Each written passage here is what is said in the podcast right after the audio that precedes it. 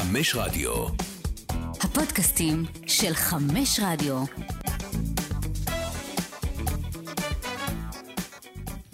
מדברים לאומית פרק 10, שלום לאלעד קליין. שלום דוד חסון, מה קורה? מה נשמע? אה, נראה, אני מקווה שעכשיו יותר טוב מאיך שיצאנו מהאיצטדיון בלוד ביום שישי, מבחינתך. איך התרשמת? תכף נגלה. אה, אני רוצה גם להגיד שלום לאורח שכיף לנו שהוא פה. אה, כל חובב כדורגל ישראלי יכיר את השם אור אוסטוינד, שלום, בוקר אה, טוב. בוקר טוב. מה שלומך? טוב, תודה. אור אוסטוינד בטוח יצא מבסוט מהמשחק ביום שישי. הוא גם. ואני ישבתי ביציע ניטרלי כביכול, למרות שליבי היה איתך. לא, ראיתי. אותך מעודד וזה, הייתי מבסוט עליך. כן, כי זה הפועל גם, זה נוח לי.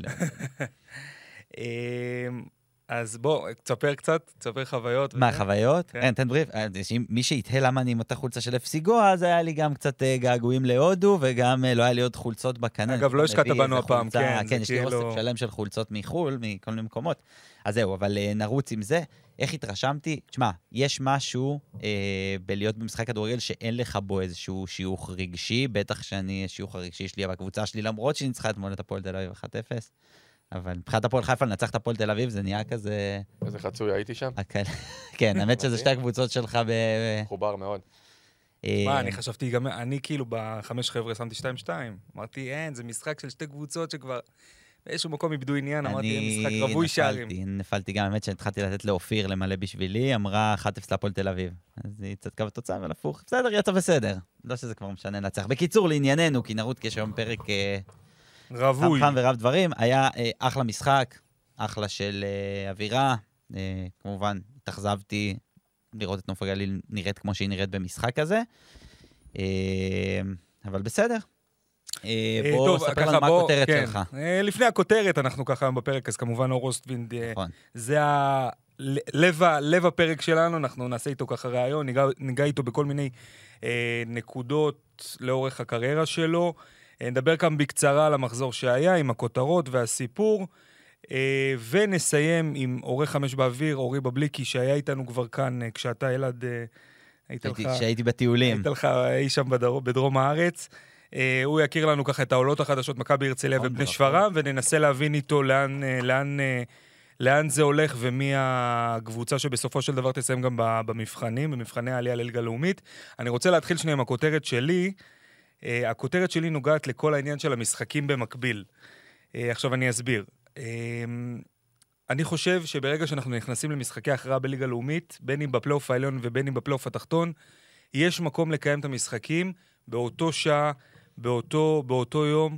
אני חושב שכל ההפרדה הזאת בין אה, כפר קאסם משחקת ביום חמישי ורמת השרון ונוף הגליל משחקות ביום שישי, זה, זה, זה מאבד כאילו מה, מהערך של הקרבות, של ה... זה, זה מאני טיים, זה מאני טיים, ואני חושב שכיאה למאני טיים, שוב, אם אנחנו בוחר, בוחרים במהלך העונה הסדירה לא לעשות את המשחקים במקביל, אני חושב שבשלבי ההכרעה זה מתבקש. אמ, ו- תשמע, אני חושב שכשזה יגיע לרגעים, ה... אתה יודע, גם, גם בליגת העל זה לא תמיד במקביל למאבקים. אתה מסתכל צמרת, עד שזה מגיע באמת להיות קריטי וזה במקביל.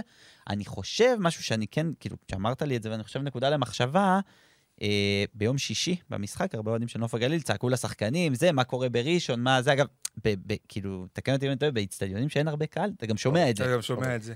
למרות שאני משפיע. לא יודע, אור, אתה כאילו, בתור שחקן כדורגל, אתה באמת שומע מה ש... אה, אני חושב שזה אינדיבידואלי, אני אישית כן. אני שומע הכל, גם אני יכול להגיד לך, לטובה. חברים שלי, המשפחה שלי שמגיעים, אני שומע. יש לי השבוע... אתה מזהה גם את הקולות. שריקה מסוימת, איזשהו שרק, החזרתי לו שריקה. וואלה. כן.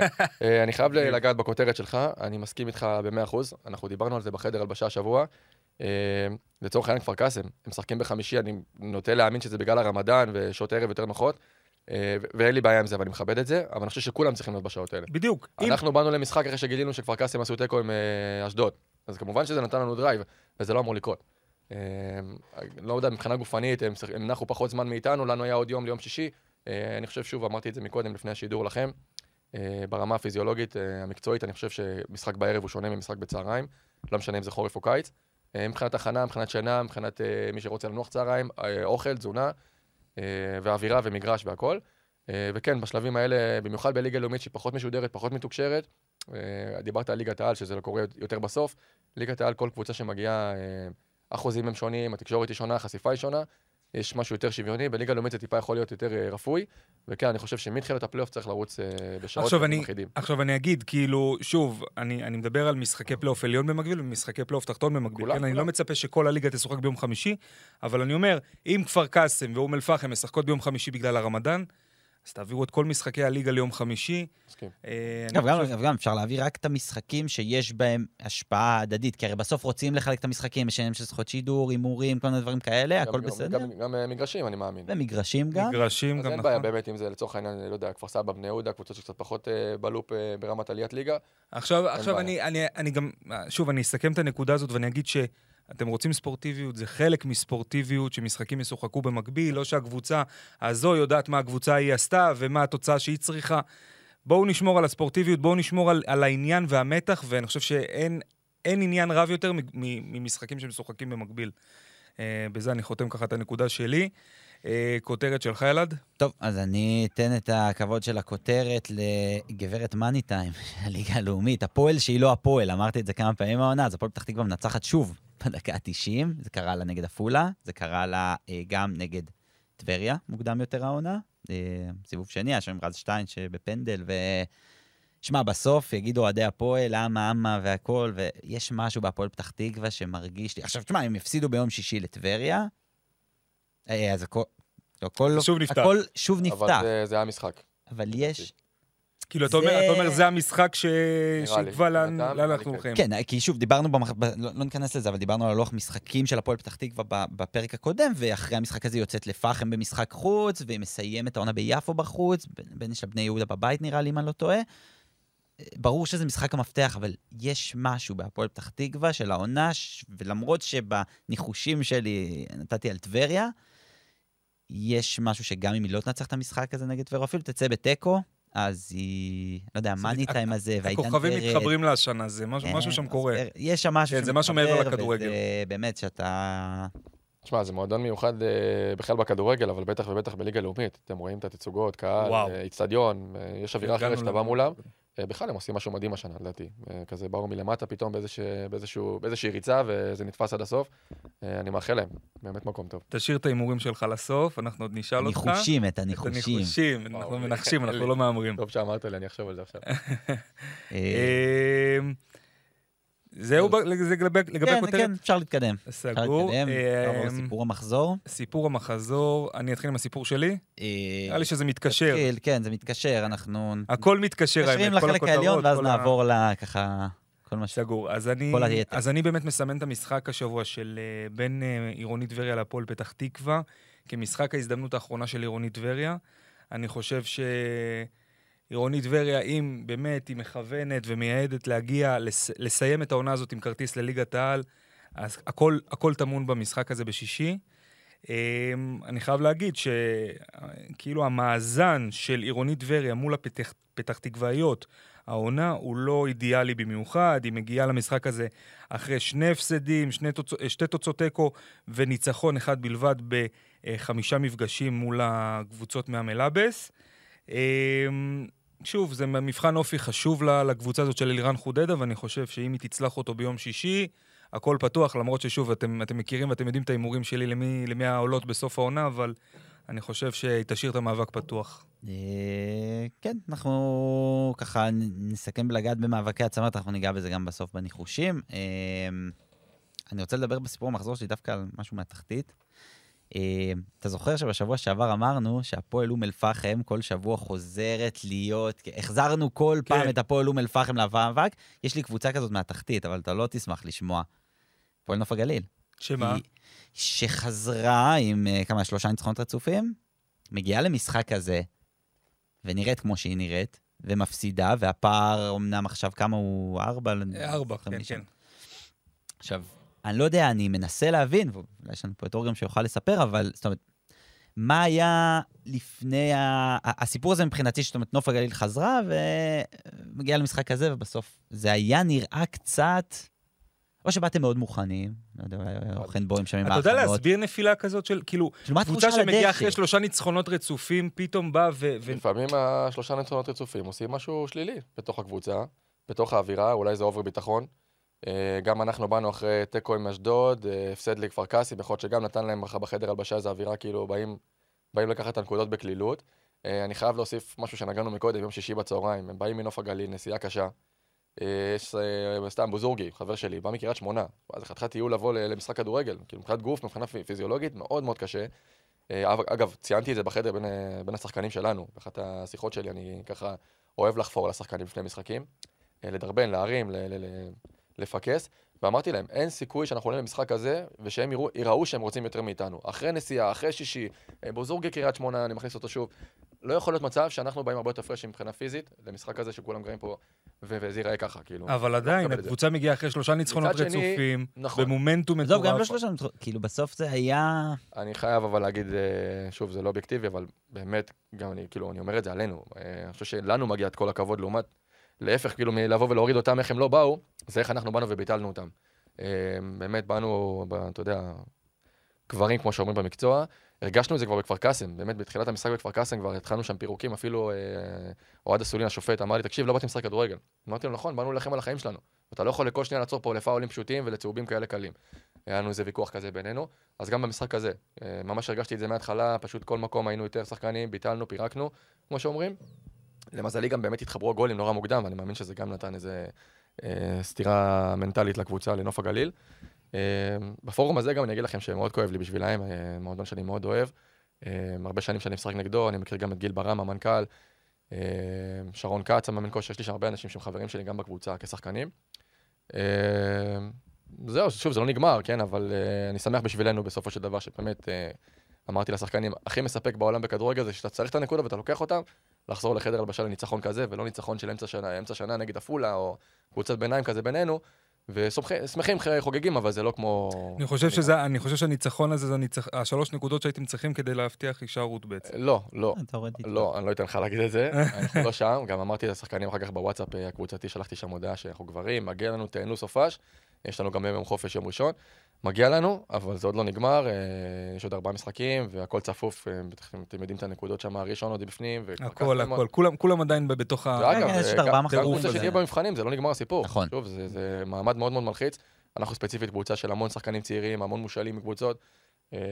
סיטואציה לא קלה, לא קלה.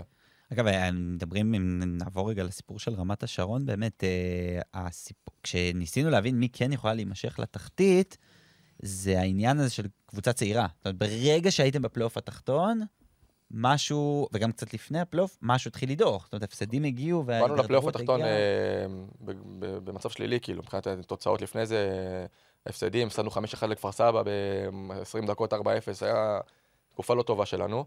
אה, מאוד חששתי מזה, ואז כאילו הגיע המשחק הראשון של הפלייאוף נגד אדומים אשדוד, שבעצם ירדו ליגה. אה, אני לא פתחתי בהרכב, בקושי שיחקתי, נכנסתי בסוף. אה, הייתי בחדר לידה שבוע לפני זה עם אשתי, אז היה לי שבוע אה, מהונדס כזה. אבל אתה יודע, מבחינתנו רצינו לבוא לעשות ניצחון סוג של קל, כמו שנקרא, למרות שאין קל בליגה הזאתי, ולצאת אה, בפורמה לפלייאוף, וזה לא קרה, עשינו תיקו. עכשיו, התיקו זה לא רק שפירק אותנו ברמת ההפסד, גם הבנו שמסביב כולם רואים אותם, אה, הם עשו תיקו עם אשדוד. זה נתן עוד יותר drive לבוא נגדנו, ו... אני חושב שדווקא אחרי המשחק הזה יותר הסתכלו על אשדוד. כאילו, אמרו, בואנה, אשדוד הוציאו- הוציאו הוציאה נקודה כאילו מרמת השרון. יודע מה, אני שמח שאתה אומר את זה, אני חייב, אם כבר אני פה בשידור, אני חייב להגיד, קודם כל, אחרי התיקו נגדנו, אמרתי, זהו, אנחנו עשינו טעות, הפסדנו נקודות פה, והם הולכים להתפרק כל הפלייאוף. מבחינתי זה היה כאילו ככה נראה לי בראש, כי ראיתי שם המון שחקנים צעירים שירדו ליגה, אמנם הם ירוצו בשביל החוזים שלהם, אבל מאוד קשה לבוא למאמן ולמועדון להחזיק קבוצה אה, מקצוע, מקצועית ולבוא למש, למשחק באמת אה, ב-100%. יאמר לזכותם, אני ישבתי השבוע וראיתי אותם נגד כפר קאסם, אני חייב לציין פה. שמע, זה היה, אני אומר לך שהתחושה בשידור, לא, אתה יודע, יש קאמבקים, יש חזרות בשלוש אחת, אדומים אשדוד, שאנחנו מכירים את הכרוניקה של אדומים אשדוד, העונה. איפה הם חזרו? ואתה אומר, בוא'נה, זה מרשים. זה היה באמת. קאמבק מרשים. באמת, אתה אומר אה, כל, מגיע להם את כל הזה, זה, זה מבחינתי, אם ימשיכו ככה עד הסוף, זה כמה שעצוב להגיד, ומי אני שחס וחלילה אה, יתבטא לא, לא בנעימות, אבל זה לרדת ליגה בסטייל, ו, וכל הכבוד, כאילו באמת, מפה מגיע להם באמת להתפתח ולהגיע קדימה, יש הרבה שחקנים מוכשרים. שער זה, שם הרבה שחקנים שיש להם הם התחילו את העונה. במינוס 12, אני לא יכול לבוא ולהאשים עכשיו את השחקנים ואת המאמן. סיטואציה לא קלה, ו- והם באו ונתנו הופעות. אפרופו מאמן ורמת השרון, איך הייתה התחושה שלך בקבוצה עם מאמן? הרמתי לך לב עולה, אה? אה, לא, לא, מדברים על רמת השרון, מדברים על זה שאתה בסוף, הקבוצה היא צעירה, המאמן היה צעיר ממך אה, כמעט עשור. בכמעט עשור. כן. אה, איך הייתה התחושה? אה, קודם כל, אני מכיר את ירון מקדנציה קודמת פה, ובכלל בליגה שנים אה, נגדו, והוא מיוחד, הוא איש מיוחד, הוא מאמן טוב, הוא, יש, לו, יש, לו, יש לו שם, אה, שם קבוע בליגה, שועל קרבות של ליגה לאומית, ירון, הוא לא פראייר. שמחתי שהוא בא, במיוחד בסיטואציה הנוכחית שלנו. לא יודע אם אתם יודעים, אבל נגיד כפר קאסם, חיים שבו הורחק. היה שם שיח ודברים בינו לבין אוהד אסולין, קיבל כרטיס אדום, לא ידענו לכמה, אה, לא ידענו, המועדון לא ידע לכמה משחקים זה הולך להיות, הבינו שלבוא למשחקים כאלה בשלב כזה, אנחנו לא יכולים לבוא בלי מאמן. אה, הבנתי מהם ההנהלה שכבר היה דיבור עם ירון אה, במהלך העונה לגבי שנה הבאה. רצו לסיים השנה גם מבחינה כלכלית, כאילו חיים שבו איש של המועדון, והוא יוריד לקווים ברמה טבעית מבחינתנו, אז גם נאמין שהם חוסכים פה שקלים על החתמת מאמן. חשבו שזה יהיה יותר קל, ובשנייה שהבינו שזאת הסיטואציה, באמת נלחמו עם ירון שיבוא מעכשיו. אה, אחלה גבר, לקח את האתגר. אגב, אבל כאילו חיים שבו ירד, ירד לקווים שלא, לא, לא, לא, לא ברצון. ברצון. לא ברצון, אבל אני אומר, מבחינת המועדון, הוא קודם כל איש בית, חיים שבו מגיל אפס במועדון, עבר, עבר עם המועדון הזה הכל. Uh, הוא כן מתפקיד של מנהל מקצועי, אבל בשנייה שחי, כביכול הגיעו להחלטה שהוא, שנפרדים ממנו, uh, אגב, הוא קרוב אליי מאוד, ואני הייתי מה... חלק מהאנשים שכן כן, כן, כן עודדו את זה, שהוא כן יקבל את המושכות ויאמן את הקבוצה. Uh, אז מאוד... מה לא עבד שם? כי, כי לא חי, לא כי חי, אני חושב, היה איזה סיפור קסם כזה בעונה של רמת השרון, שמשהו שם עבד עם המאמן הצעיר, גם היום, בשלב מסוים הוא פוטר. גם היום שחי לא פה, הוא לא פוטר uh, ברמת איבד החדר הלבשה, סכסוך מול שחקנים, אנחנו עד היום בקשר איתו, רוב, רוב, רוב החדר מדבר איתו יומיומית בטלפון. Uh, אני חושב שהוא, בסיטואציה הנוכחית שנוצרה למועדון והפאניקה שנהייתה בהנהלה, אה, פתאום, פתאום הרגישו שחי הוא בוסר. עכשיו, לפני זה החתימו אותו כמאמן ראשי לא בגלל שהוא בוסר, בגלל שאמרו, וואלה, זה ליגה לאומית, קבוצות צעירות כולם, מאמנים צעירים כולם, זה הדור הבא, ומאוד מאמינים בו במועדון הזה, הוא כבר כמה שנים פה עבר מעוזר מאמן, אה, כמה, שתי, שתי עונות, מאוד מחובר לאנשים פה, אה, ואמרו, בואו ניתן את הצ'אנס. לקחו החלטה בסוף להיפרד, גם חי היה שותף להחלטה, זה לא חס וחלילה בקטע רע, הם עד היום, הוא חלק, חלק במועדון ומעורב מאוד. אה, אבל זה לא משהו שלא עבד מול חי, אתה מבין? כאילו, זה לא שחי עשה דברים לא נכון, ואמרנו, בואנה, אנחנו לא יכולים לבוא ככה למשחק, כי חי פוגע בנו. הכי לא, באמת, הוא בקשר טוב והכל טוב, פשוט חיפשו אולי מישהו שיותר אה, יותר פיגורה, נקרא לזה, במונח אה, ספורטיבי. באמת חיים שבו ירד לקווים במשחק הראשון, ניצחנו את יפו בתצוגה חבל הזמן, אבל הנה, גם עם חיים הפסדנו אחרי זה, וגם ירון עכשיו בא וניצחנו, אנחנו לא יודעים מה יהיה מחר. אין חוקים בכדורגל, בטח שלא בליגה לאומית. בליגה לאומית אתה יכול כל פעם להביא את המאמן, לעשות את הניצחון של אחרי. זה מה שאמרנו, צחקנו בחדר, חיים בא ישר 3-0, ירון בא 3-0, אולי נעשה עכשיו עוד חילוף. הסתלבטנו. רגע, מה אתה חושב ברצינות על הסיפור הזה של חילופי מאמנים בלאומית? אה, לא מדבר רק בדוגמה של רמת השרון, אלא באמת 30, היו, ש... okay. כן. ספרתי עם רז בשבוע שעבר, לפני שבועיים, 30 עמדו על הקווים. 30 מאמנים שונים עמדו על הקווים. חמזה מוואסי, החלוץ שלנו, השבוע אמר בחדר שזה מאמן חמישי של העונה. הוא התחיל במ"ס אשדוד עם רן בן שמעון, אה, שישי. התחיל עם רן בן שמעון, עבר לאדומים אשדוד, החליפו שם את, אה, לא יודע, אה, סליחה, רמת גן, הוואט הלך, דור לוי, ועכשיו הוא בנינו וכבר שלושה. אה, אני בכללי לא בעד חילוף מאמנים, אני חושב שבכלל המעמד המאמנים אה, מאוד פגוע בכדורגל הישראלי. אה, אתם רואים המון בלבטים, אתם שומעים מאחורי הקלעים, אה, הוא מעורב, זה מעורב. מצד שני, רוב המאמנים הם אה, אנשי משפחה עם ילדים בבית, שלושה, ארבעה, חמישה ילדים, צריכים להביא את הפרנסה הביתה, וזה נוצר מצב שכאילו המקצועיות היא כבר פחות, פחות פקטור. זה יותר המאמנים או יותר הבעל הבתים? יותר המאמנים שרוצים לשרוד ולקבל את הפרנסה. לא, אני אומר המעמד הפגוע, המעמד הפגוע של המאמנים. זה יותר... המאמנים, חד משמעית. תשמע, אני גם יכול להבין באיזשהו מקום בעל הבית, אני אומר לעצמי, אם עכשיו אני אור אוסטוינד, איש כדורגל כרגע, מגיל שש אני משחק, והגעתי לרמות, וליגת העל והכל והכל, וחוויתי, וגם אכלתי את כל החרא של מאחורי הקלעים. אם מחר, מחרתיים, אני, יש לי איזה אקזיט וקיבלתי 800 מיליון שקל, ואני קונה קבוצת כדורגל, יכול להטריף אותי אם אני אתן למאמן אה, את המושכות, ויראה דברים שאני לא, שאני לא מקבל. עכשיו, שוב, אני, באופי שלי, אני האחרון שיתערב לבן אדם בעבודה שלו, אבל אני יכול להבין אנשים נורא נורא אימפולסיביים, ואתה יודע, במעמד מאוד גבוה במדינה מבחינה כלכלית, שכואב להם. שכואב להם. גם התקשורת נותנת המון במה לבלבטים האלה, ויש אנשים שמגיעים לכדורגל בשביל לקבל את הבמה ולא בשביל... אה, אני חושב שבעל בית אחד ומיוחד, שאתה הרגשת אותו ככה באופן אה, אישי. כן. אה, איזיס שרצקי, שככה חזר לכותרות בתקופה האחרונה. כן, אז אתה יודע, כל... מדי תקופה הוא בא, ואנחנו לא שומעים ממנו תקופה, והוא חוזר לכותרות. לטוב ולרע. אתה יודע מה, אם כבר אני פה פותח את זה, אני אעצור. כן, ספר מה היה שם. כאילו, מה... תשמע, אני שנה שעברה עשיתי כתבה אה, עליי, כאילו, לקחו אותי לכתבה, ורצו לשאול אותי בכלל ברמה, הזה עשיתי, הפקדתי שבעה שערים, וממש הייתי דומיננטי בפלייאוף התחתון שנה שעברה ברמת השרון. אה, התקשר אליי איזה כתב, מה נשמע, בוא נעשה כתבה עליך, כללית. אה, שמחתי, בכיף, אני פתוח, אתם רואים אותי גם פה, אני עשיר, אני, אין לי בעיה, אני לא... אני לא מתחבא. עשינו כתבה, דיברנו, דיברנו, דיברנו, ואז בסוף הוא הגיע, תגיד, איפה התפספסת? סיפרתי לו סיפור חיי בכדורגל, עברתי להפועל חיפה, עשיתי שנתיים מדהימות, התחברתי למקום, ב... סליחה, אני קצת מצונן, ברמת המשפחה. באמת, הפועל חיפה, עברתי לגור בקריות, נהניתי מהאנשים, עד היום אני בקשר עם המועדון, עם אנשים מבפנים, אפילו אנשים שכבר לא במועדון, אנחנו בקשר טוב. וסיימתי שם את העונה השנייה, יואב כץ לא היה לי חוזה, קצת התמהמה איתי, והיה לי הצעות. ישבתי עם ינקלה שחר במשרדים שלו, אני אומר, אני יכול לפתוח את זה בשידור, כי בכתבות זה לא באמת ברור. אה, נפגשתי עם ינקלה שחר במשרדים שלו, אגב, זה קרה באמצע השנה, והעונה, הפועל חיפה, אם יש לכם, אני קצת אחפור פה, הפועל חיפה התמודדו על ירידת ליגה בסוף השנה, שבאמצע העונה כבר ישבתי עם ינקלה שחר במשרדים, הסוכן שלי ג'קי דהן, מבחינתנו הכל היה סגור. הוא אמר לי בסוף השנה אנחנו יושבים רק לסגור סכומים, מה שג'קי יגיד אני חותם. אני בראש יודע שאני מכבי חיפה. האוהדים של הפועל חיפה אה, כנראה שראו את הכתבות שקצת אני מועמד למכבי חיפה ודיברו, אף אחד לא יודע שנפגשתי עם ינקלה. זה היה אגב הסכם שלי מול ינקלה בפנים, הוא אמר לי תקשיב מעכשיו יש לנו חוזה אני ואתה.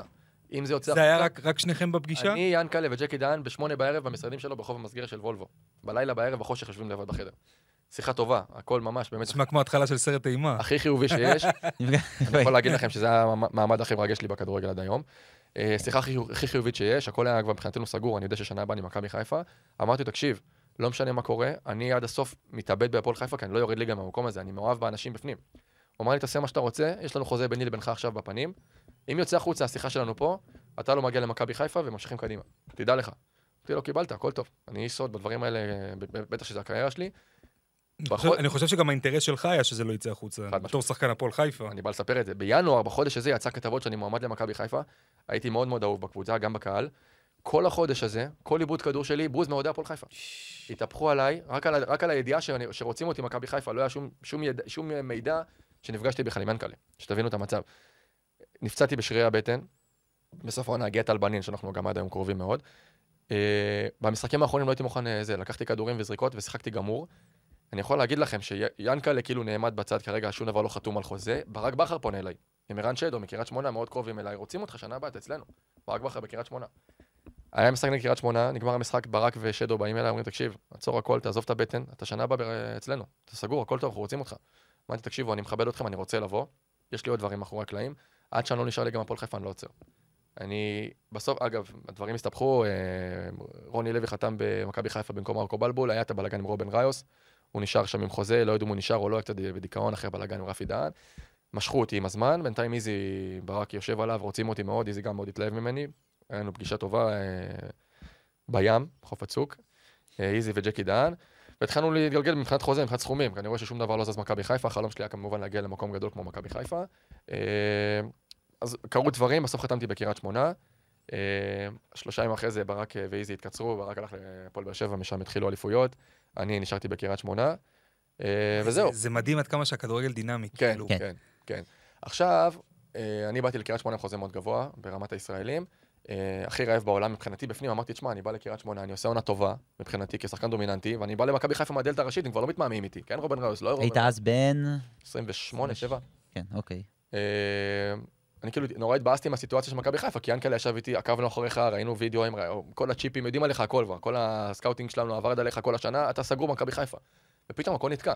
עכשיו אולי זה רוני שפחות התלהב, אולי משהו בפנים, ובאמת, יש את רובן ראיוס עם חוזה מאוד גבוה, עם רגל שמאל כביכול בתפקיד שלי. לא אמרו לך למה זה נתקע? הסבירו לי שזה כאילו התמהמה בגלל, כל הזמן אמרו לי, חכה שנייה, עוד שבוע, חכה עוד שבוע, חכה עוד שבוע. אה, ואז הרגשתי שפתאום אני מגיע כאילו עוד, עוד, עוד שחקן, ולא רציתי. רציתי לבוא למכבי חיפה כ...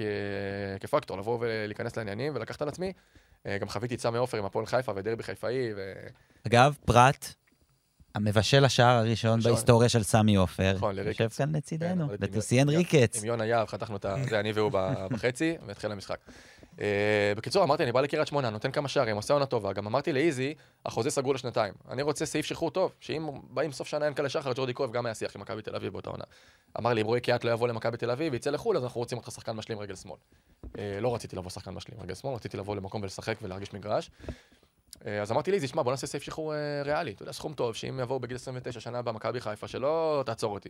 הוא אמר לי, אני ואתה רוצים להתקדם, נעשה סכום, בחרנו סכום כלשהו. בחרנו סכום כלשהו ועשינו חצי חצי גם מהסכום, אז אמרתי לעצמי, תשמע, גם אם הסכום הזה גבוה ליאנקלה, אני מוכן לוותר על החצי שלי ושייקח אותי ושייתן לי חוזה טוב. החלום היה לבוא לקבוצה גדולה, לבוא לפרוץ, להגיע למקומות שראיתי את כל השחקנים שבני גילי, שכטר ו... וכולי, שרציתי להיות שם. אה, זהו, בקיצור, מפה לפה, שנה שעברה עושים עליי כתבה, לא יודע איך הגעתי לכל הסיפור הזה, אני חופר בדיוק. לא, זה לא, לא, לא, לא. זה סיפור מעניין, לא אני חושב. ששם טמון פחות או יותר הסיפור של...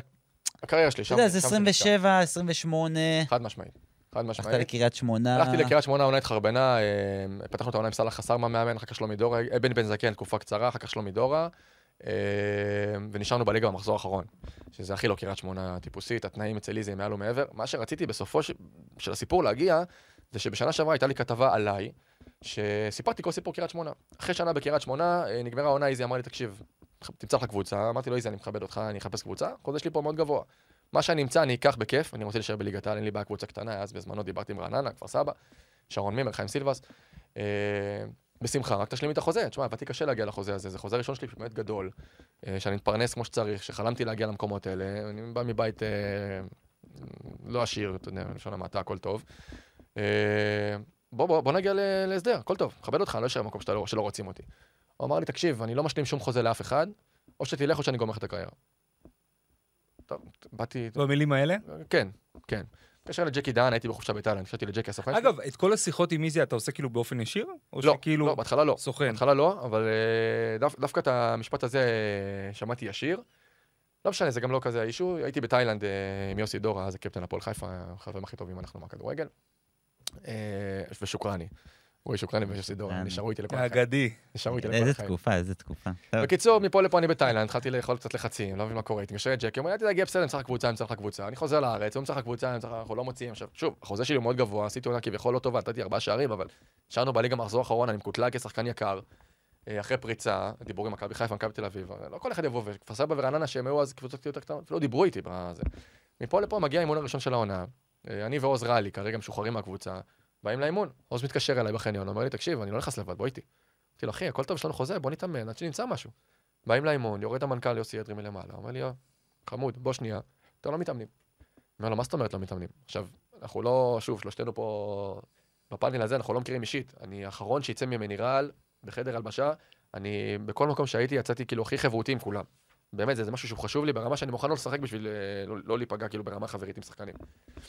ואומר אתה לא מתאמנים, יוסי אדרי. עכשיו, אתה יודע, זה מקום שלנו, אני כמו בית, עברתי לגור שם, ויתרתי על החיים שלי במרכז, שלא נדבר על ציוד, ספות, אה, מקררים שהבאתי לכל החברים. שחררתי הכל, אמרתי, אני עובר לגור פה, אני משתכר פה. אומר, אתה לא מתאמן. אמר לו, יוסי, מה זאת אומרת לא מתאמן? אחי, הכל טוב, שים אותי בצד, אני אעשה אימון, רק תן לי להרגיש זה. אתם לא חלק מהקבוצה, אתם לא מתאמנים. לכו הביתה. אמרתי לו, עצור שנייה הכל, בוא נעלה לחדר, דבר עם ג'קי דן, תוציא לי מסמך שאתה לא, לא קונס אותי ולא כלום, אני לא בא. אני לא הולך מהאימונים, אני, אני באתי לפה להתאמן. עוז רע לי, אה, קצת נראה לי קפוא כזה, עמד בצד, אני פתאום זה, סיטואציה פתאום, אני ויוסי אדרי צרחות במועדון. עומדים והוא צועק עליי, אתה לא תתאמן, אתה לא זה, אני אומר תקשיב, הכל טוב, בוא לחדר למעלה, סגור את זה במסמך, אל תפגעו בי, אני לא אפגע בכם. נראה איך אני מוצא קבוצה, אני אצא מפה, אני לא אשאר פה. זהו, אחרי איזה שבוע עוז רע לי מצא אה, בית"ר ירושלים, דמאיו בדיוק עבר, היה שם איזה, הלך וזכה, כמו שאומרים, הלוואי עליי. ואני נתקעתי, נתקעתי, אני לא מוצא מקום שישלם את הסכומים האלה, איזי לא מוכן בכלל לתקשר איתי, גם איזי אתה לא יכול להתקשר אליו טלפונית, כי הוא מספר חסום כזה עם קוד. והכל מול ג'קי דן. אחרי איזה שבוע איזי מתקשר אליי, שבועיים, איזי מתקשר אליי, תקשיב, או שאני מסיים לך את הקריירה, או שאתה זה, אתה רוצה תהיה בנוער. אמרתי לו, איזי, תגיד לאן הגענו? מה יש לך? הכל בסדר, בוא תן לי פיצוי. אני אלך, אני אמצא משהו אחר, אפילו אמצא ליגה, לאומית, אבל אני לא מוכן כאילו לגזור את כל החוזה שלי כאילו לא היה, אתמול הייתי כבר במכבי חיפה. ממש שלשום אני מרגיש שזה טירוף. מי סמי עופר מלא, אני היום בלי קבוצה, בן אדם רוצה זה. וזהו, ממש, ממש התקצרנו, אני ואיזי. כאילו, שוב, אתה יודע, לא עכשיו... אה, לא ברמה עבריינית, אבל הבן אדם לא רוצה אותי בקבוצה, לא נותן לי זה. אבל למה? למה דווקא אתה? כאילו, למה למה הוא נתפס עליך? או חוזה גבוה, או ציפה ממני למשהו שלא הבאתי. לא יודע כאילו, להגיד לך. אני אומר, אני אומר לבוא ולהגיד לשחקן, אני אגמור לך את הקריירה, ת- תתאמן עם הנוער, כאילו, צריך לקרות משהו, כאילו, מאחורי הקלעים, לא? כאילו, תקן אותי. אני אומר, למה, מה קרה שבוקר אחד איזי שירצקי בא והתעקם על אה, אור אוסטוינד? שוב, אני... אני לא יודע בדיוק מה הסיבה, אני מוכן להישבע פה בפורום הזה, שזה בטוח לא משהו אה, לא מקצועי. כאילו, אין, אין מצב שזה משהו שקשור לחדר הלבשה וכאלה, כי עד היום אני עם קשר עם שחקנים משם, ואנשים, אגב, קריית שמונה בכלל, אני מאוהב בעיר הזאת, השכונה שגרתי בה, אני עד היום מגיע אליהם בחגים ושבתות. עזבו, זה סיפור אחר, אני יכול לחפור פה עוד אה, שעה וחצי, זה אנשים שאני איתם אה, ביום-יום, הם אה, היו בחתונה שלי, או בלוויה של אמא שלי, או בשבעה, משהו מעבר לכדורגל, זה אנשים שלא קשורים לכדורגל, שאני עד היום בקשר איתם, אפילו, עזוב, לא משנה. קיצור, זה, זה לא קשור לזה. אני מקבל את ההחלטה שלו, פשוט לא הבנתי את הדרך. עכשיו, דיברו איתי שחקנים בזמנו שהיו אצלו, ברק בעדה, שיר צדק, ראו, פגשו אותי. אמרו לי, תקשיב, בחיים זה לא קרה עם איזי. בחיים הוא לא שם שחקן, כאילו, בן 28-9 בנוער. התאמנתי בנוער. אחרי חודש וחצי שהם יצאו למחנה ולא זה, מתקשר אליי בני בן זקן, מאמן הנוער. מה קורה, אחי, איך אתה? אני אומר לו, בסדר, תקשיב, איזי דיבר איתי, אתה מגיע מחר לאימון נוער. אומר לו, אתה בטוח? הוא אומר לי, כן, מה שהוא ביקש. ווואלה, תשמע, אל תיכנס לפינות האלה, בוא, בוא זרום איתנו, אני אדאג לך, הכל בסדר. טוב, אני אומר לו איך אני מביא בגדים, מגיע מנהל קבוצה, נותן לי סט בגדים אחד של הנוער, אני צריך להביא בקבוק מים מהבית, מסתבר שהם לא מתאמנים בקריית שמונה במגרש, כי בשזרוע, הם עולים לעין קיניה, זה כפר דרוזי, ליד החרמון, חצי שעה נסיעה מקריית שמונה. אני מכבס לעצמי את הבגדים, אני מתאמן כל יום שלוש בצהריים בעין קיניה, אני מביא בקבוק מים מהבית, ואין לי מעסה אפילו, פיזיותרפיסט. עכשיו, לא שאני אחד שחולה טיפולים, אבל מתנאים top, שקריית שמונה זה תנאים top, זה משחק, כל משחק חוץ זה מלון, זה שני מעסים, שני מאמני כושר, הכל. אני, אני מושפל. אני בא לנוער של סמואל בראון, אה, רותם חטואל, אה, ג'וזף גנדה, עומר לקאו, רואים אותי, מה אתה עושה פה? עכשיו, אתם יודעים, אימון נוער זה לא בוגרים. בוגרים זה בעל חיירן שדו, אה, top מאמני כושר בארץ, צ'יפים, באים לנוער, וואלה, שמונה כפול אלף, ארבע על שתיים, עוד כושר. נוער זה לא בוגרים. כן, נוער זה לא בוגרים, והכל בסדר, אני מקבל את זה. עכשיו, אני לא, אני לא רגיל לזה, אני בן 28, אני עומד עם ילדים, ואני מתחיל לרוץ שמונה כפול אלף בעין קיניה. יורד משם, לוקח את האוטו של הקבוצה, השחור, מחליף בגדים בלי מקלחת אגב, יורד למטה, מתקשר לאח שלי, שהוא האלוהים שלי בכדורגל, זה כאילו, אתה יודע, הוא גידל אותי מגיל אפס, הוא עבר איתי את הכל כדורגל. אח שלי זה אבא שלי בכדורגל בעצם. הוא מתקשר אליו, שחר, שחר, אתה לא מאמין מה עברתי היום. אני מתחיל לזה, מדבר איתו, ונופלות לי דמעות. מתחיל לבכות. מפה לשם, אני חודש וחצי מתאמן בנוער. שלושה חודשים אני בקריית שמונה, לא קיבלתי משכורת אחת. מתקשר ליוסי אדרי, תגיד, אה, מה קורה עם הדירה שלך? אולי תפנה אותה? איתמר ניצן אה, ישן במלון, הוא מחכה לדירה שלך. כי הייתה לי דירה כאילו טובה. אמר, תקשיב, יוסי, אני מכבד אתכם, אני לא יוצא מהדירה, לא להתקשר אליי בכלל, לא לדבר איתי על זה. מה, מה עובר עליכם? מה, אתם נורמלים? לאן הלכתם, כאילו? רוצים לשים אותי בצימר בגיל 29, בשביל שאיתמר ניצן את הדירה שלי. אוקיי, עכשיו- ואז מה מה עוש- עכשיו שוב, אני עושה? חייב לעצור את הכל. האנשים מדהימים, וכל מה שרציתי לספר בסיפור פה, קודם כל, נעצור הכל. סיפרתי את הסיפור הזה בכתבה הזאת שעשו לי בשנה שעברה, ושלחו לי את הכתבה לאשר אותה, אישרתי אותה, הכל היה בסדר, יש שם עוד כמה דברים, והכותרת שיצאה, זה התעללו בי בקריית שמונה, אה, גמרו לי את הקריירה, משהו כזה. עכשיו, לא צפיתי את זה, וזה לא מה שרציתי שיהיה בכתבה, הכתבה הייתה עליי, שבפנים סיפרתי איפה התפקששתי.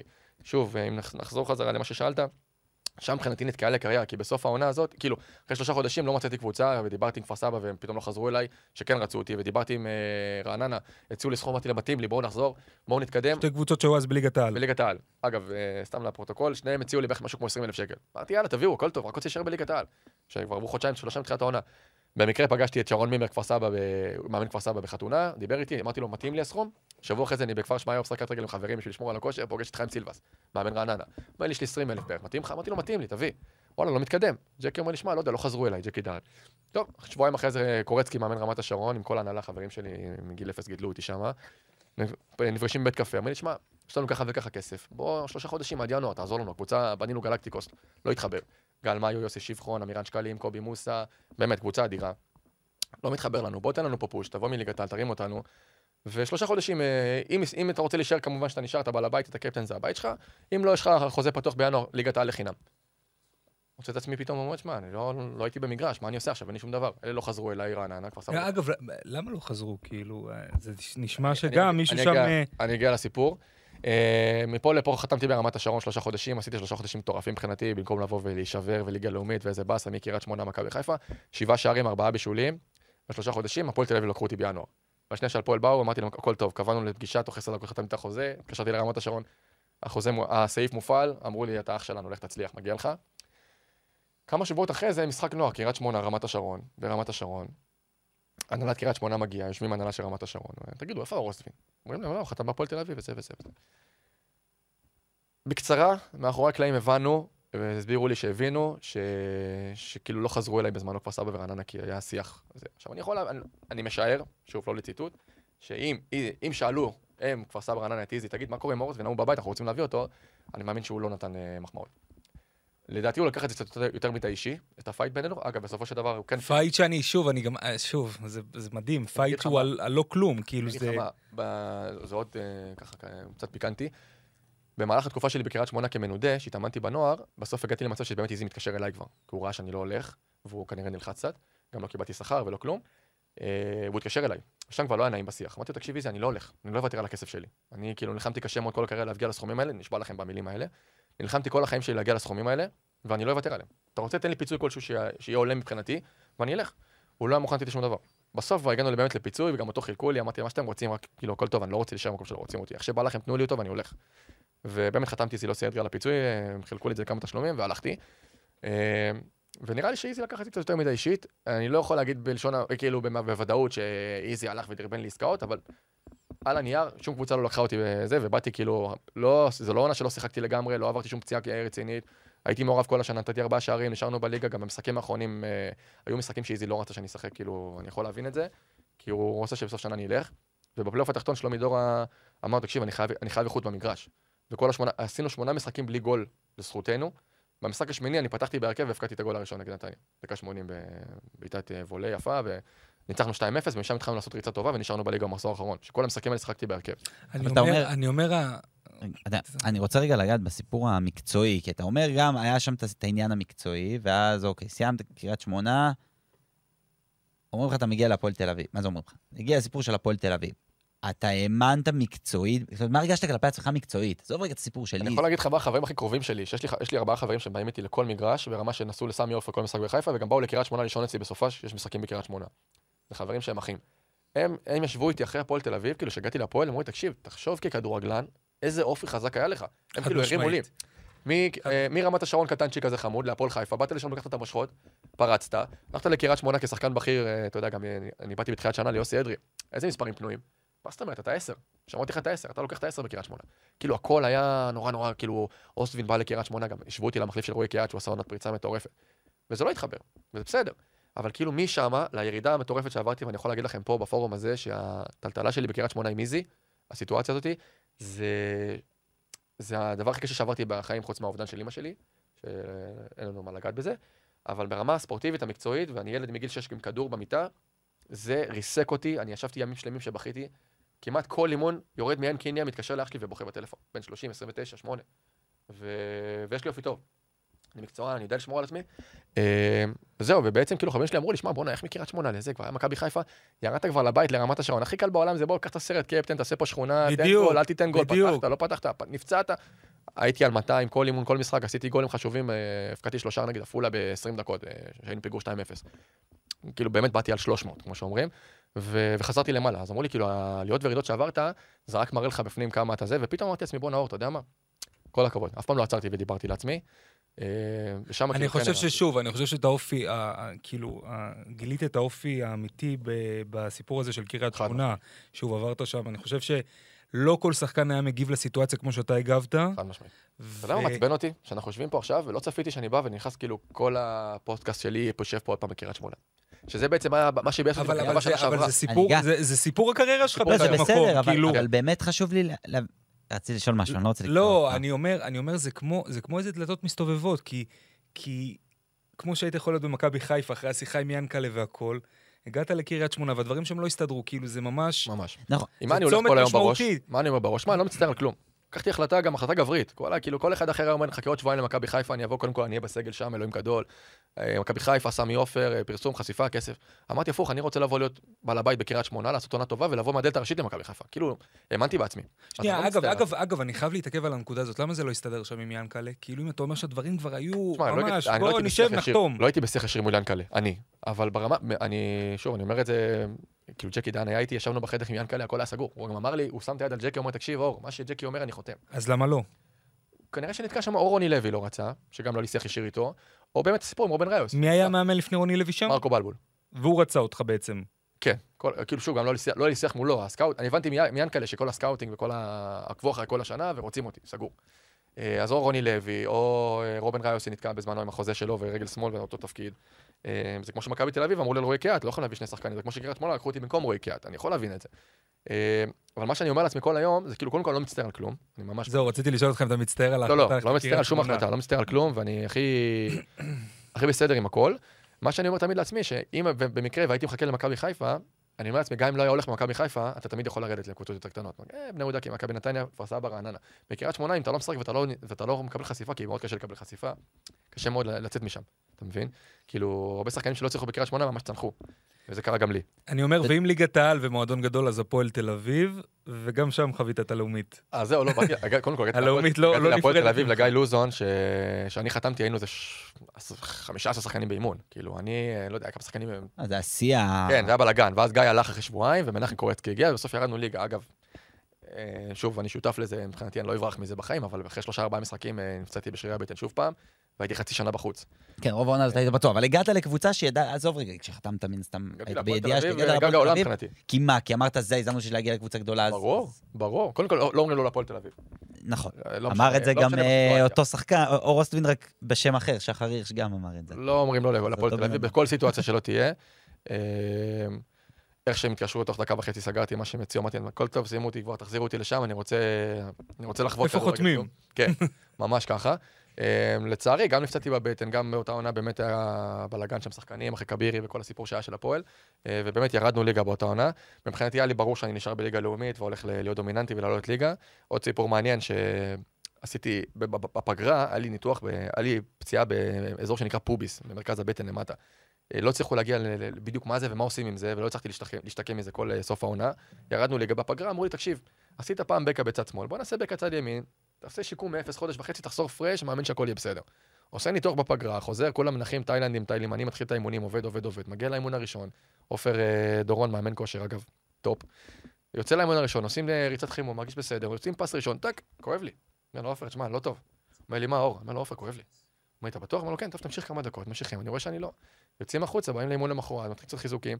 מפה לפה שלושה שבועות אני לא בכיוון, באים לצאת ממחנה אימונים, קורא לי שרון ניסנוב לחדר, אומר לי, תקשיב, מתים עליך פה, התחברת למועדון, אוהבים אותך, מחזיקים ממך, אתה לא יוצא מזה, אתה כבר חצי שנה בחוץ, מה, מה אתה רוצה לעשות? בוא קח תפקיד במועדון, התחברנו אליך פה, תשאר- את המשכורת שלך, קח תפקיד במועדון, פרוש. תגיד, אני, אתה יודע, עכשיו אני רואה אותו כאילו בעל הבית, אני הכי מכבד.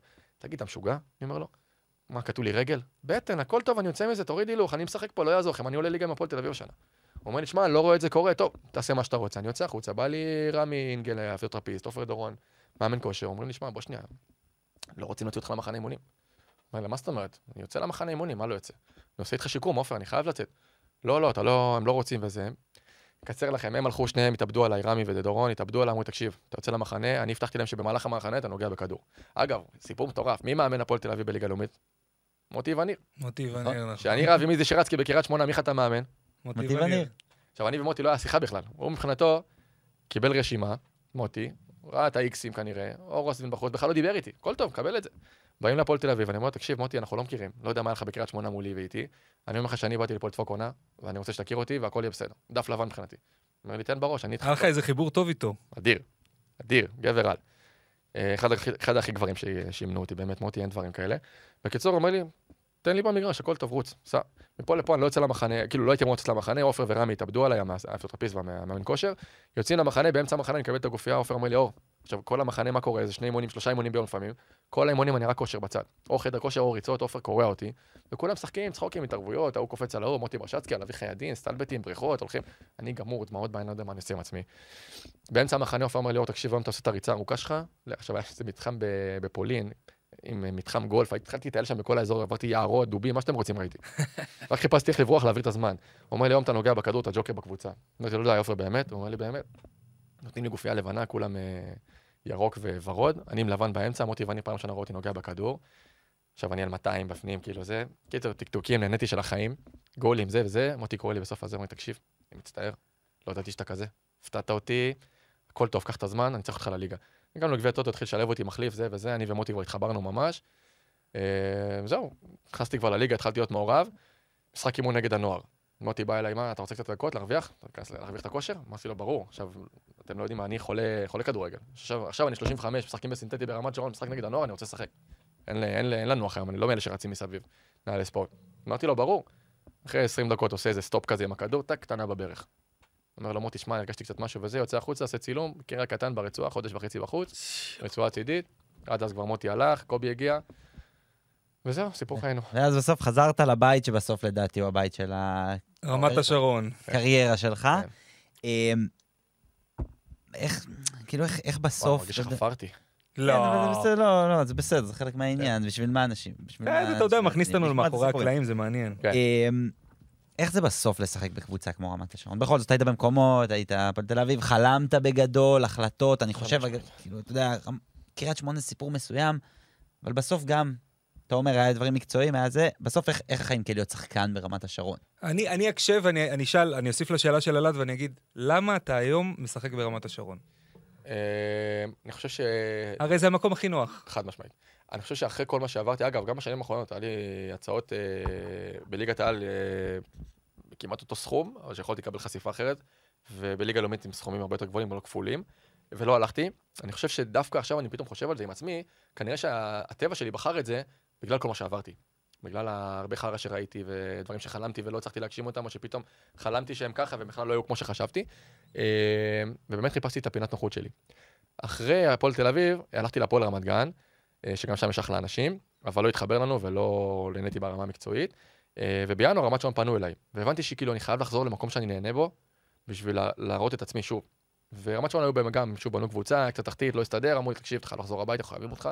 כמובן שתוך שתי דקות עם רמת גן, אה, גם הם בנו קבוצה מאוד מאוד, חצי הפועל תל אביב הגענו לשם.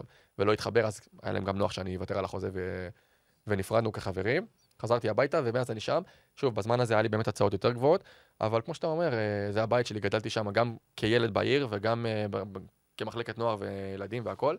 אה, אני מאוד מעורב עם העיר, גם עם ראשי העיר, שניהם, הנוכחי והקודם, גם עם כל ההנהלה שגידלו אותי מגיל אפס, אם זה חיים שבו וקורצקי שמעורבים בקבוצה, וליאור סילוג. מתייעצים איתך לגבי הרכב, לגבי את מי, לא, לגבי לא שחקנים, לא, לא ברמת הרכב, כן על שחקנים בתחילת העונה. אה, מה מי אני חושב. להביא, את מי זה. כן, מה אני חושב, מה זה, לפעמים על מאמן. אה, אני מאוד מאוד עוזר להם, אה, נותן מעצמי במעבר, בדברים שהייתי למעלה. ציוד, אה, ערבי גיבוש, תנאים, אצטדיון, כאילו משחקים, אימונים, מה לעשות, איך לעשות, מחנה אימון, דברים כאלה שמאוד מאוד אני מעורב בהם וחשוב לי, שזה בעצם התנאים. מצד שני, אני חייב לציין שבגלל שזה מועדון כל כך קר לי וחשוב לי ברמה האישית, והאנשים שאני כל כך אוהב, אז כל קרב תחתית שיש לי כמו השנה, הוא, הוא מוציא ממני הרבה לוקח יותר. אותו ללב. אני יכול להגיד לכם, השנה בן רייכת חזר, שהוא גם שחקן בית, והוא חבר טוב שלי. אה, הוא גם חזר הביתה כביכול, והוא גם שחקן דומיננטי, ולדעתי הוא בכלל מעל הליגה מבחינה מקצועית וכדורגל, הוא חריג בעוצמות וביכולות. אבל הוא אמר לי השבוע, תשמע, אור, בואנה, אני לחוץ הרבה יותר ממה שהייתי אי פעם, והוא היה בקרבות תחתית, בן, כאילו, הוא עבר לא מעט. הוא אומר לי, תקשיב, אני הרבה יותר לחוץ מכל פעם שהייתי אי פעם בתחתית. ואמרתי לו, אתה מתחיל להרגיש מה שאני הרגשתי כל השנים, שזה מועדון בית שלך, ואתה לא מוכן. לספוג את זה שזה יהיה על הגב שלך. אולי בגלל זה גם 20 מלחמה צהובים. בעונה הוא הגיע? אה, זה יכול בלי להיות? קשר, זה בלי קשר, הוא אתה יודע, חזק. בודקים פה במסדרונות. הערוץ האם זהו השיא של כל הזמנים בליגה הלאומית, אבל בסדר, לא ניגע בבן, אולי בזמן אחר. הוא שחקן אדיר. תגיד, אתה... אתה רואה, את- אתה רואה את עצמך שוב, בוא, אתה גם, בינינו, אתה שחקן, בינינו, בוא, אתה שחקן לא צעיר כבר, לא, 35. ואתה רואה את עצמך גם כאילו מסיים את הקריירה ברמת השרון, או שאתה לא פוסל עוד... אמ, עד היום, עד היום אמרתי שאני אסיים פה, בגלל זה גם לא הלכתי לקבוצות אחרות עם סכומים הרבה יותר גבוהים. אה, אני יכול להגיד סתם בפורום הזה שבשנתיים האחרונות היה לי שיח מאוד מאוד צפוף עם אה, עופר טסל פאפה, הפועל פתח תקווה, גם שנה שעברה וגם השנה. מאוד רציתי שתתבשל. אה, ההנהלה של הפועל- של רמת השרון לא יודעים את זה, היום הם ישמעו את זה פעם ראשונה. אה, ידעתי שאם זה יתבשל אז אני כמובן אשב איתם לשיחה ונעשה את זה ביחד ונראה מה הכי טוב לנו. אה, אז זה כן מקום שכאילו רציתי בזמנו לחתוך אליו וללכת ולחוות את הקהל ולחזור לעניינים ודרישות אה, של צמרת. אה, אני, שוב, אמרתי, שאני, אמרתי לעצמי עד, עד השנה, עד עכשיו, שאני כן אמור לפרוש פה ורוצה לפרוש פה בסטייל בבית שלי, אה, כמובן תוצאות טובות ולא חס וחלילה זה ירידת ליגה.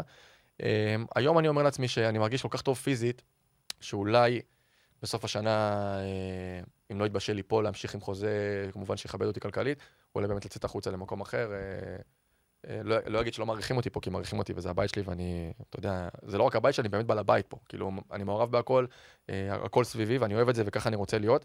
וזה, ב, שוב, זה לא ברמת האגו, זה ברמה שאני כאילו, עיניים עם כולם. בן בית. כן, כן, עיניים עם כולם, מתייעצים איתי, משתפים אותי, אני משתף אותם על דברים, הכל פתוח. אה, אבל אולי באמת אני, אולי באמת יהיה איזה אני אתגר. אמשיך להקשות עליך, אם רמת השרון יורדת חס וחלילה ליגה, אתה תישאר שם כדי להעלות אותה בחזרה לליגה הלאומית? אה, כן, אם הם רוצים, כן. חד משמעית. זה לא יקרה, כן, אין סיכוי שאני אתן לזה לקרות, אבל אנחנו כקבוצה לא ניתן לזה. אגב, אפרופו זה שהוא משהו. מרגיש בנוח בבית, אנחנו ראינו את זה על המגרש ביום שישי. אה, אה, שלושה בישולים כל הרמה, חצי גול. מזל, הכל אה, מזל. אני הרמתי, היה שם איזה שינגה. מזל. אחרי המשחק אני במקרה תפסתי אותו ככה, הוא בא לצאת עם הרכב לכיוון הבית, ואני אומר לו, איזה שחקן אתה? אז הוא אומר לי, אה, סוס מת. אתה יודע, אני כבר כמה שנים אומר את זה, כי מאוד קשה לי מחמאות, אני לא יכול לקבל. לא יכול לקבל. אה, גם בקבוצת הוואטסאפ וגם בחדר הלבשה הרימו אותי לכתפיים. אני חושב שהשנה פעמיים הרימו מישהו לכתפיים, זה היה אותי. פעם אחת נגד אשדוד, שזה גול ובישול, וזה, כי באמת זה אותי, כי אני נותן באמת זה רק מראה את. המשמעות שיש לך בחדר הלבשה. חד משמעית, הילדים האלה יודעים, סתם קח דוגמא נתי אסקיאס, ילד מוכשר, באמת הייתי בקבוצות, הוא אולי אחד הכישרונות הכי גדולים שראיתי בכדורגל, אה, מושל של הפועל באר שבע, ילד, אין דברים כאלה, גם גבר, כולם אצלנו גברים אגב, חדר הלבשה אדיר. אה, מלא פעמים היה סיטואציה שהתייעצו איתי, ואמרתי להם, תקשיבו, אם אתם רוצים ללכת עם נתי אסקיאס, לכו איתו, תנו לשחק, מגיע לו. היה שלב שההנהלה אפילו, אה, אמרתי לי, תקשיבו, לא מה שאתם אומרים, אתה וחיים שבו כאילו מדברים עליו, פוטנציאל, פוטנציאל, אנחנו עוד לא רואים את זה. תקשיבו, תנו לו. זה תהליך, הילד הזה, זה, ווואלה, אחרי איזה עשרה משחקים שהוא פתח, הוא נגד אה, כפר סבא גול ובישול ניצחנו 3-2, ונגד בני יהודה שבוע אחרי זה נותן גול ניצחון. הוא שמה, הוא צריך לקבל את הדקות האלה, וכאילו באמת ויתרתי על עצמי בהרבה דברים. אה, יש לי עוד הרבה סיפורים שוויתרתי על עצמי בשנה הזאת במיוחד, אבל באמת הילדים האלה חשובים לי, ואני יודע שאם אני אתן להם את התחושה שאין לי אגו ואני בשבילהם, אז גם החדר הלבשה הרבה יותר בריא. טוב, אתה מאמין שאתה תמשיך להיות בעולמות הכדורגל, או שמעניין אותך להיות קצת במקומות אחרים? אני עושה עוד דברים כבר היום, אה, אבל אני, קודם כל, אני חולה כדורגל, אני חולה על המקצוע. אה, לכם אני אומר את זה בפעם הראשונה, אני אומר את זה הרבה לחברים ששואלים אותי. כל, כל קבוצה, כל שנה, בשנים האחרונות, כל... "אה, אתה חייב לאמן, אתה חייב לאמן, כולם באים אליי. אין סיכוי. אני לא אהיה שם. יכול להיות שזה קצת מושך אותי, אבל אני לא אהיה שם בגלל כל מה שעברתי ובגלל כל מה שראיתי מאחורי הקלעים. אני לא מוכן לקבל את המקום הזה. אתה יכול לתקן. לא יכול לתקן. אי אפשר לתקן את זה. לא אני, לא לבד. אה, אבל כן היה לי איזה חלום, נגיד, אה, סתם בזמנו הייתי נורא נורא קרוב ליואב כץ, או לניסנובים. אז אמרתי לעצמי, שמע, הייתי מוכן להיות יד ימינו של הבעלים בקבוצה. כן לבוא ולנהל ולסדר ולתת הדמות. המקצועית יותר. כן, אני מוכן לרדת עם בגדי אימון לכל אימון, להיות מעורב עם הזרים, עם השחקנים הצעירים, המאמנים. אני לא רוצה להיות שום אה, אוטוריטה מקצועית. אני לא קובע הרכבים, אני לא מחתים שחקנים. כאילו, בא לי להיות שם בשביל המועדון, בשביל האנשים, ולייעל, ולשדרג, ולתת תנאים הכי טובים, ולהיות שם אוזן, ולתת טיפים. אה, זה משהו שכן הייתי חושב. מעבר לזה, ברמה קבוצתית לא הייתי רוצה להיות מנהל קבוצה או מאמן. אה, אבל כן מושך אותי נגיד אה, אולפן, ל- לשדר, להיות... אגב, אמר לנו, אמר לנו את אותו דבר גם שחר הירש. ספר, ספר רגע באיזה סיפור על שחר הירש. אנחנו חברים טובים, אני ושחר. דברים מצחיקים. אני ושחר משחקים ביחד בהפועל תל רק אביב. נגיד, רק נגיד שכאילו... לא צריך להגיד, אפשר להגיד. שיש פה את אור אוסטבין ולהכיר את שחר הירש. ולא. אני אומר, הבלבול הזה ביניהם שנוצר כאילו בקרב, אה, אתה יודע, חובבי הכדורגל הישראלי, שרואים את אה, דומים גם ברחוב. חושבים שזה שחר. אנחנו גומרים גם בתנועת גוף, בריצה, קצת ברווזית כזאת. אגב, לרגע, לרגע אני כאילו מסתכל עליך תוך כדי שאתה מדבר, ואני אומר, בואנה, זה... כן, יש. אני עוד לא רואה. לא את זה, אני רואה קצת בריצה, לפעמים כשאני רואה שידורים, אני אומר, בואנה, הוא מזכיר. אנחנו חברים מאוד מאוד טובים, עוד הרבה. כשאני הגעתי להפועל חיפה בשנה הראשונה, הוא עלה מהנוער, אחרי פציעה אה, לא קלה בברך, והיה לו מאוד קשה לבוא ולהראות עצמו, אז היינו מאוד מאוד קרובים, והמון שיחות אה, טובות. ומאז נשארנו בקשר טוב, ונפגשנו ביחד בהפועל תל אביב, שם אנחנו דומים, ובאותה עונה בהפועל, איזה יום אחד אה, הוא היה בבית קפה, יושב, אוכל קורסון גבינה, בורקס גבינה, בשיא הביטחון, ובא איזה ילד, עושה לו, בואנה, אוסטבין, מה, זה מה שאתה אוכל אחרי משחק? הוא אומר לו, כן, מה הבעיה, מה זה? עכשיו, הוא בא מספר לי את זה, ואני אומר לו, חתיכת אידיוט, עכשיו הולכים ברחוב, חושבים שאני אוכל בורקס, אתה לא מתבייש? אה, עוד סיפור מצחיק, גם לפני כמה שנים אני בליגה לאומית, הוא היה בהפועל תל אביב, נתן גול בליגת העל. אני עולה עם הקורקינט ככה ברחוב, ואיזה מישהו צועק לי, איש, כל הכבוד על הגול. אה, אני מרים את היד, אומר לו, תודה אחי, תודה רבה.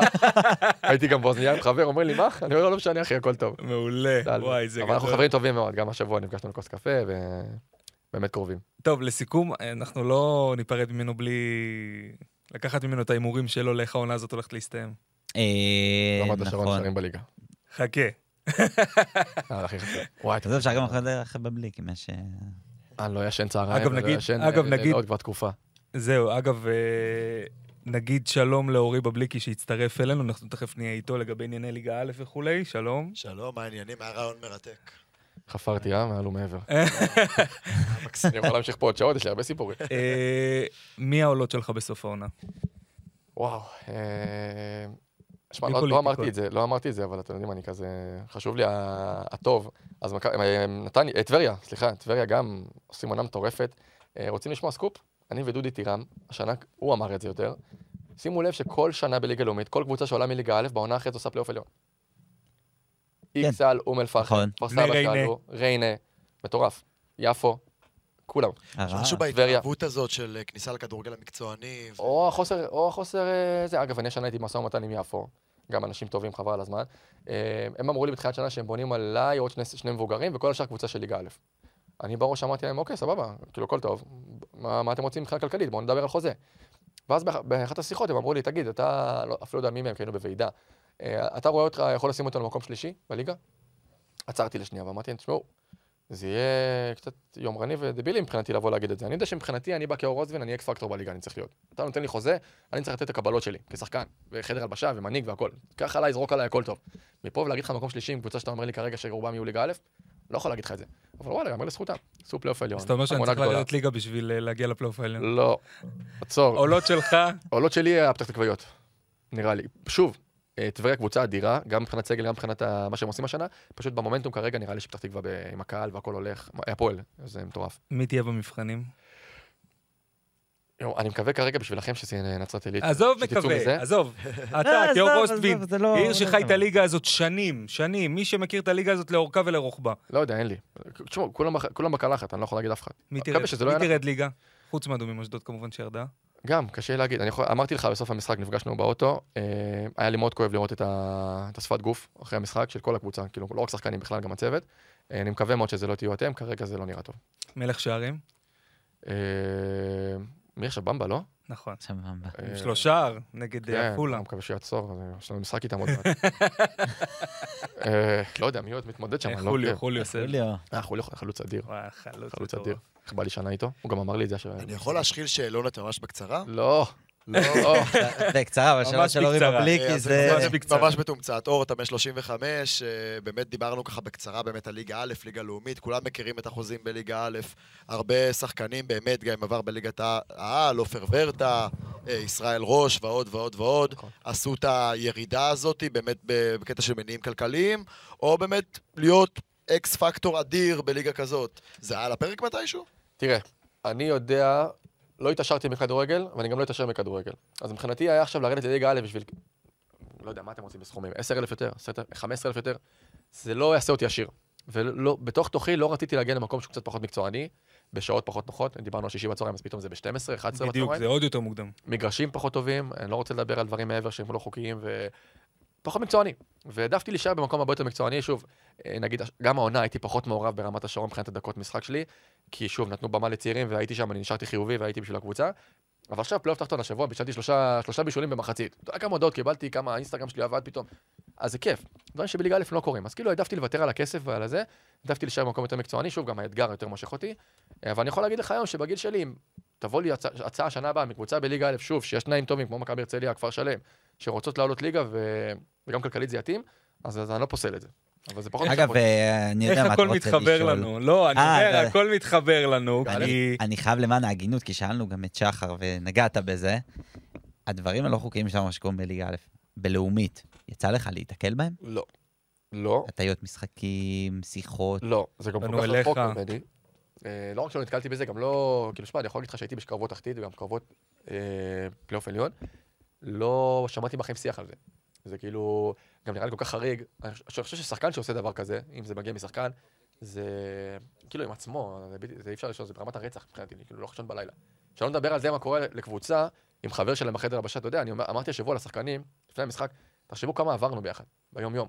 אני, יש, לי, יש לי יותר שעות איתכם מאשר עם אשתי ועם הילדים. זה מטורף.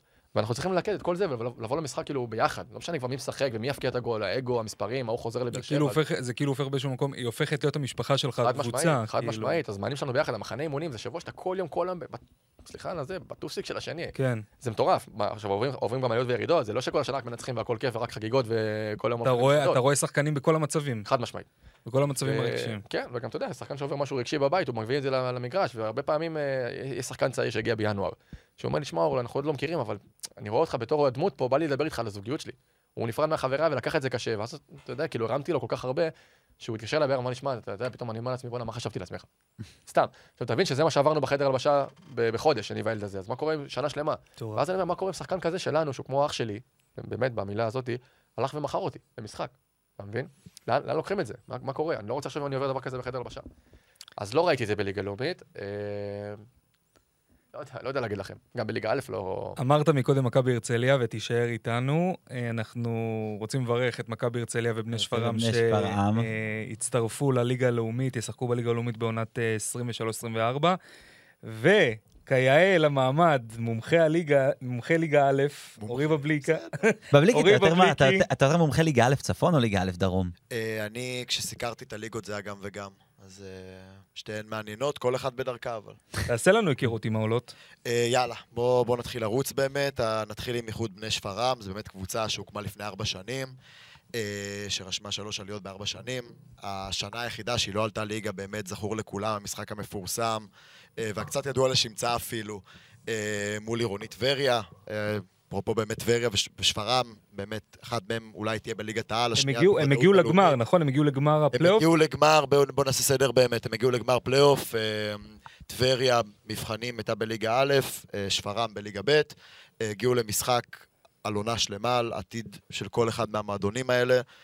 שפרעם התפרקה על המגרש, כאילו, הלכה למעשה. קיבלה אה, שישה, שבעה אדומים שם, הפסידה טכנית. כן, כן, כן, אני... ובשפרעם היה או, זה היה מאוד מאוד פשוט, או פירוק בליגה ב', לקחת את המשחק הזה למקום מאוד מאוד טראומטי ולשקוע, או לקום מחדש, להביא, אה, להמשיך להביא סגל טוב, להמשיך אה, לקרוא לאוהדים להגיע. פירס מוגרבי באמת היה מונה בליגה ב', לקח את המועדון. הזה לשתי אליפויות רצופות. אז איזה שחקן הוא היה? אה, אדיר. סיפור מצחיק איתו גם, אבל... אה, מלך השערים שם זה עלי חטיב, שיחקתם ביחד? לא. לא. אז זהו, אז באמת הוא השנה עם, שער, עם 19, 19 שערים. אה, היה אה, איתו גם- הרבה בעיות אלימות הרבה אנשים שלבשו את. החולצה של הפועל חיפה. כן. שכמעט ניצחו אותה גם העונה נכון, בגביע. נכון. אה, אז הוא היה איתו הרבה מאוד בעיות אלימות לא, בשנתיים האחרונות, הוא יליד העיר שפרעם, אה, ככה השנה, היה דיבור שלא ימשיכו איתו השנה בליגה א', הוא לקח את זה ככה קשה, יש טענות שהוא תקף שם מישהו וכאלה וזה, הגיעו בסוף להבנות. ועוד שחקן מעניין בשפרעם שמאוד מאוד חשוב לגעת בו, מעניין אם אתם מכירים את אבירן תורג'מן. ספר לכם משהו השם? לא. אבירן תורג'מן בעצם רשם את העלייה השביעית ברציפות בליגה א', די, אה, קבלן עליות. לליגה הלאומית, ואלה שמות, הפועל חדרה, הפועל אכסל, הפועל אום אל-פחם, הפועל כפר שלם, מכבי בני ריינה, עירונית טבריה, ועכשיו שפרעם. אה, שווה לשים לב אליו. שער נחמד מאוד. שאלה אם הוא עולה- אז ליגה יצא, הוא יעלה עוד ללאומית. או שהוא...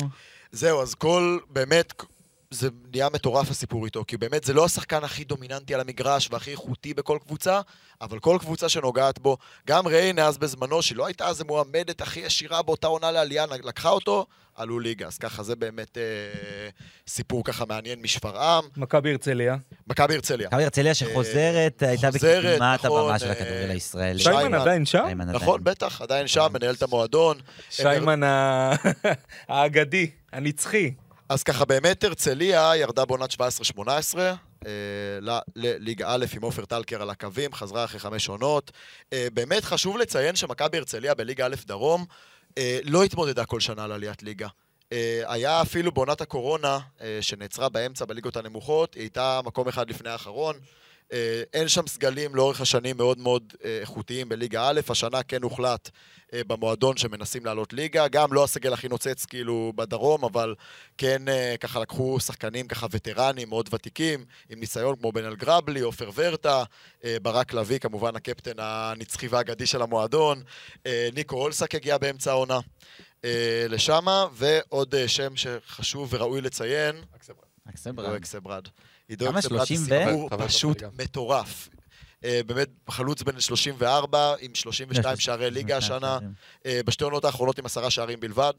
אה, מר מורק, 32 כפר שערי ליגה. כן, כן. חברים, 32 זה שערי ליגה, מטורף. וזה חלוץ שבאמת. כבר גם לא בליגה. א' לא היה יותר מדי מבוקש, כי באמת בשנתיים האחרונות הוא לא סיפק את הקבלות. חלוץ הוא כן נחשב. חלוץ יחסית יקר לליגה הזאת, והוא באמת ככה... אה, אלעד ברון המאמן ושיימן הימרו עליו, והוא באמת החזיר בענק, בענק, בענק. הוא באמת השם שרשום על עליית הליגה, ויהיה מאוד מאוד מעניין באמת לראות מה יהיה איתו בעונה הבאה. נכון. כי מבחינת מספרים, ראוי לליגה לאומית. באמת. חד כאילו, משמעית, המקום שלו אדיר, זה בטח. ליגה לאומית ו- אגב. ומעלה. גם בעונת הפריצה שלו בשמשון תל אביב, מחצי גמר, הייתי איתו בתור ילד, וגם אה, בקריית שמונה היינו ביחד. חלוץ אדיר, אדיר, אדיר, באמת. איכויות אה, חריג לליגה גם הזאת. בהפועל תל אביב, אם אני לא טועה, נכון? כן, אה, גם כן, הפועל, כן, נכון. נכון. כן. אה, אה, בקצרה עוד ככה שם מעניין, רום אליאס, אח של שי, בוגר מחלקת הנוער של מכבי הרצליה, חלק דומיננטי בעליית הליגה של הקבוצה השנה, באמת, עוד פעם, לא הקבוצה עם הסגל הכי חזק על הנייר בליגה א' דרום, היה דימונה, כפר שלם, מכבי יבנה, ועדיין יציבות, אה, הייתה שם המשחק שם. אנחנו שני משחקי אימון עם כפר שלם השנה, ואמרתי שהם עולים בוודאות. קבוצה מאוד איכותית, אה, עונה שנייה יש לנו- ברציפות אפס וסטליה. יש לנו פה שני, אני מאחל לשני הצדדים פה לא להגיע למבחנים וגם לא לרדת ליגה. יש שם קבוצה שמתבשלת כמי שתגיע למשחקי המבחן? אז זהו, חשוב באמת לדבר על זה שבשנים האחרונות אף קבוצה מליגה א' לא צריכה לעשות את הצעד קרה הזה פעם אחת. במבחנים.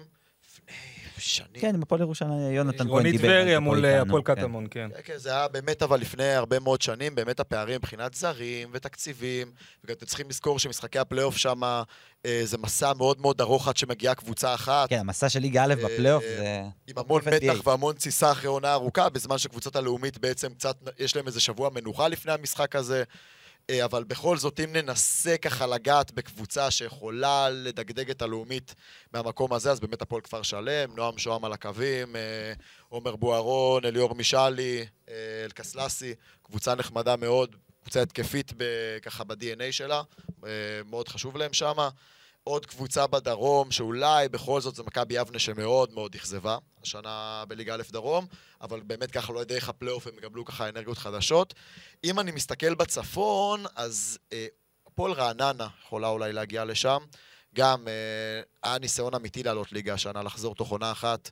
זה לא קרה, זה לא צלח, היה הרבה מאוד בעיות פנימיות שם, אבל באמת יש לי שחקנים מנוסים, באמת ישראל ראש, אליאור סיידר, סיראז' נסאר, שחקנים שככה חוו מעמדים. אה, מעבר לזה בצפון אני לא ממש רואה, כאילו זה קבוצות מאוד צעירות. אה, באמת ככה, אני אגיד את המשחקים אבל, כאילו שכבר רובם נסגרו, יש עוד מחזור אחרון בליגה א', אז באמת צעירי כפר כנא, קבוצה שהורי- שהובילה בהפתעה אדירה. אה, רוב השנה את המחוז הצפוני, תשחק או נגד זלפה, או צור שלום, או נשר, או טירה. זה יוכרע מחזור אחרון. אה, והמשחק השני כבר סגור, הפועל באקה אל גרבייה, גם הפתעה גדולה, קבוצה צעירה מאוד, נגד הפועל רעננה. אה, בדרום אנחנו עם הפועל כפר שלם, אה, וכנראה נגד מכבי יבנה, זה גם הפועל בקעת הירדן שם מחזור אחרון, אם לא יהיו הפתעות מיוחדות. והפועל הרצליה, שגם בעונה קסומה מבחינתה, עונה ראשונה אחרי הרבה שנים במחוז הדרומי, אה, הובילה את הטבלה, יצחק נגד דימונה. וכן, יהיה, תראו, יהיה מרתק. יש מצב, המשחקים יש מצב שבעונה. הבאה נראה שתי קבוצות מהרצליה בליגה הלאומית? שהדרבי של הרצליה יהיה בליגה הדרך הלאומית? ארוכה, כמו... וואו, זה באמת יהיה בגדר סנסציה אדירה עם הפועל הרצליה, יש לה סגל מאוד מאוד צעיר, ארז בנודיס שם על הקווים, אה, יהיה באמת סיפור מאוד מאוד מאוד גדול. כן חשוב לי לציין בקצרה את ביתר תל אביב, אה, שנשרה ככל הנראה, תנשור, כנראה במחזור הבא, לליגה אה, ב'. לליגה ב', קריסה מוחלטת שם של צעירים. בני לוד שירדה השבוע לליגה ג', יחד עם הפועל אשקלון, אז באמת חשוב לציין כאילו שזו ליגה מאוד מאוד מאוד קשה, ומי שיורדת ליגה, פה גם בפורום הזה זה מעניין להגיד, אבל אך הדרך חזרה היא מאוד מאוד קשה בדרום. זו ליגה שאחת עולה מתוך 16 קבוצות, מגרשים לא מגרשים, אה, תסיסה פנימית, ולא מאחל לאף אחת. מי- אה, מי מי תגיע למבחנים? על מי אתה מהמר? אה, מי תגיע למשחק ה...